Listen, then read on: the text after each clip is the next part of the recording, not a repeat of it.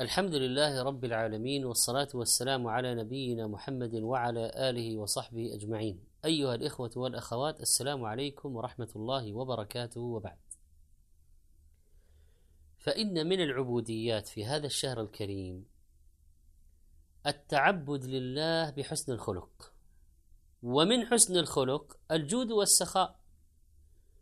والنبي صلى الله عليه وسلم في رمضان كان له زيادة في الجود والبذل لأنه تتضاعف فيه الحسنات ويقبل فيه الرب عز وجل ويعطي فيه ما لا يعطي في غيره.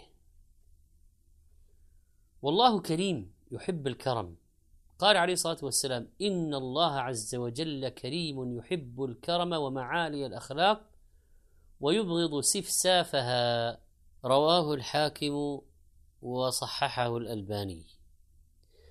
وإذا كان الشعراء يتغنون بالكرم وبعضهم كانوا في الجاهلية ذريني فإن البخل يا أم هيثم لصالح أخلاق الرجال سروق.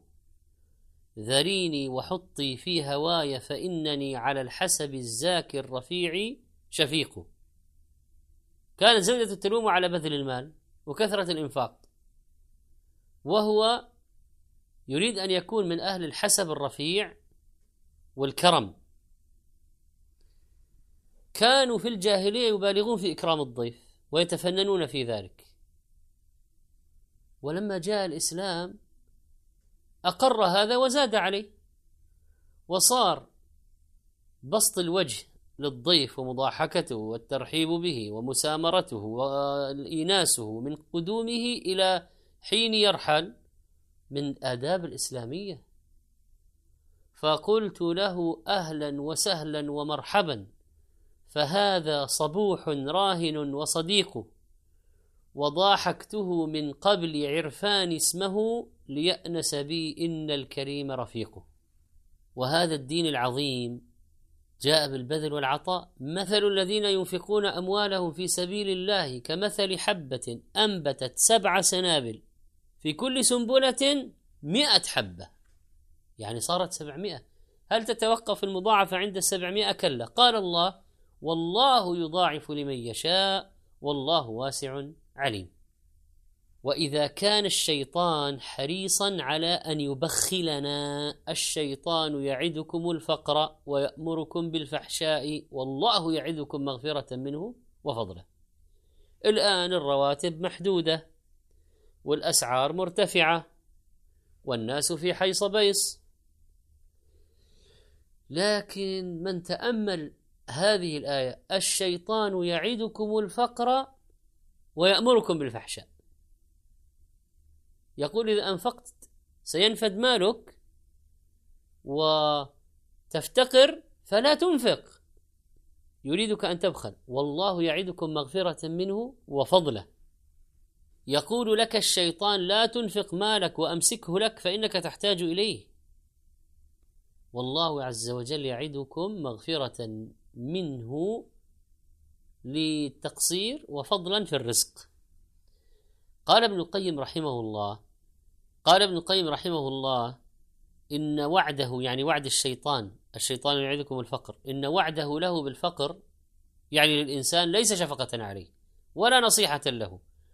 وأما الله سبحانه وتعالى فإنه يعد عبده مغفرة منه لذنوبه وفضلا بأن يخلف عليه أكثر مما أنفق وأضعافه إما في الدنيا أو في الدنيا والآخرة.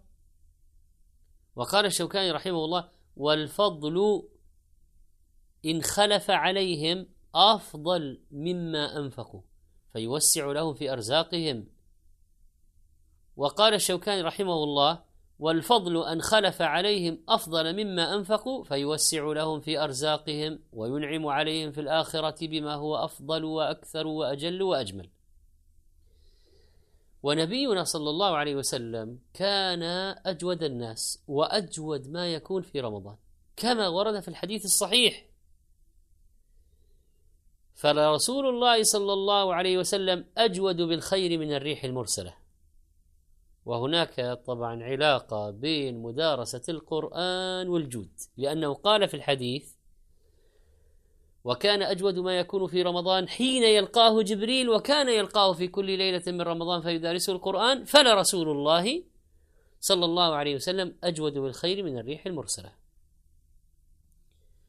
آه هذه علاقة بين مدارسة القرآن وبين الجود بالخير. والريح المرسلة التي فيها رحمة وفيها غيث وفيها مطر وفيها حبوب اللقاح وفيها إزالة آه، ما حصل في الجو من آه، تراكم للجراثيم والفيروسات وما يضر. فيها خير. يعم البر والفاجر والغني والفقير. والنبي عليه الصلاة والسلام كان أجود بالخير من الريح المرسلة، الريح المرسلة ما تفرق بين شخص وآخر. فتعم بخيرها كل من هبت عليهم. قال ابن القيم رحمه الله في وصف جود النبي صلى الله عليه وسلم كان رسول الله صلى الله عليه وسلم أعظم الناس صدقة بما ملكت يده. وكان لا يستكثر شيئا أعطاه ولا يستقله وكان عطاؤه عطاء من لا يخشى الفقر. وكان سروره وفرحه بما يعطيه أعظم من سرور الآخذ بما يأخذه. كيف تفرح لو جاءك مليون؟ كان سروره عليه الصلاة والسلام وفرحه بما يعطيه أعظم من سرور الآخذ بما يأخذه. ما كانت يعني الصدقة أو الأعطية تقف في النفس وتتردد وتتلجلج ولا تخرج إلا بعدما آه، يكون قد عانى بعض الناس ما يخرج الصدقه وما يخرج هذه العطية إلا بعد أن يكون هنالك لجاجة كبيرة في صدره. لكن النبي عليه الصلاة والسلام كان يعطي الكثير بكل سهولة. كان أجود الناس بالخير. يمينه كالريح المرسلة. وكان إذا عرض له محتاج آثره على نفسه تارة بطعامه وتارة بلباسه. وكان ينوع في أصناف عطائه. فتارة بالهبة وتارة بالصدقة وتارة بالهدية وتارة بشراء الشيء ثم يعطي البائع الثمن والسلعة جميعا. يعني بعض الناس يظن يعني أن مفهوم العطاء فقط الصدقة على الفقراء. لا حتى الهبة والهدية للإخوان وللجيران وللأقارب هذه فيها أجر. النبي عليه الصلاة والسلام فعلها. وكان عليه الصلاة والسلام يأمر بالصدقة ويحض عليها ويدعو إليها بفعله وقوله. فإذا رآه البخيل والشحيح دعاه حال النبي عليه الصلاة والسلام إلى البذل والعطاء. قال ابن القيم رحمه الله إذا فهمت ما تقدم من اخلاقه صلى الله عليه وسلم فينبغي على الأمة التأسي والاقتداء به صلى الله عليه وسلم في السخاء والكرم والجود والإكثار من ذلك في شهر رمضان لحاجة الناس فيه إلى البر والإحسان هذا من جهة. ولشرف الزمان هذا من جهة أخرى ومضاعفة أجر العامل فيه. قال الشافعي رحمه الله أحب للرجل الزيادة بالجود في شهر رمضان اقتداء برسول الله ولحاجة الناس فيه إلى مصالحهم وتشاغل كثير منهم بالصوم والصلاة عن مكاسبهم. هذه نقطة مهمة لأن السلف كانوا يتفرغون. والآن بعض الناس في الحرم يذهبون للعبادة وقد لا يتهيأ له أن يطبخ وأن يشتري طعاما و...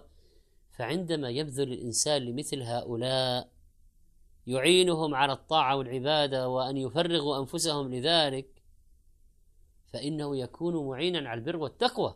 نسأل الله تعالى أن يجعلنا منهم ونسأله أن يتقبل منا ويضاعف أجرنا ويحسن مثوبتنا وأن يغفر لنا ذنوبنا وإسرافنا في أمرنا ويتقبل عملنا. وصلى الله وسلم على نبينا محمد.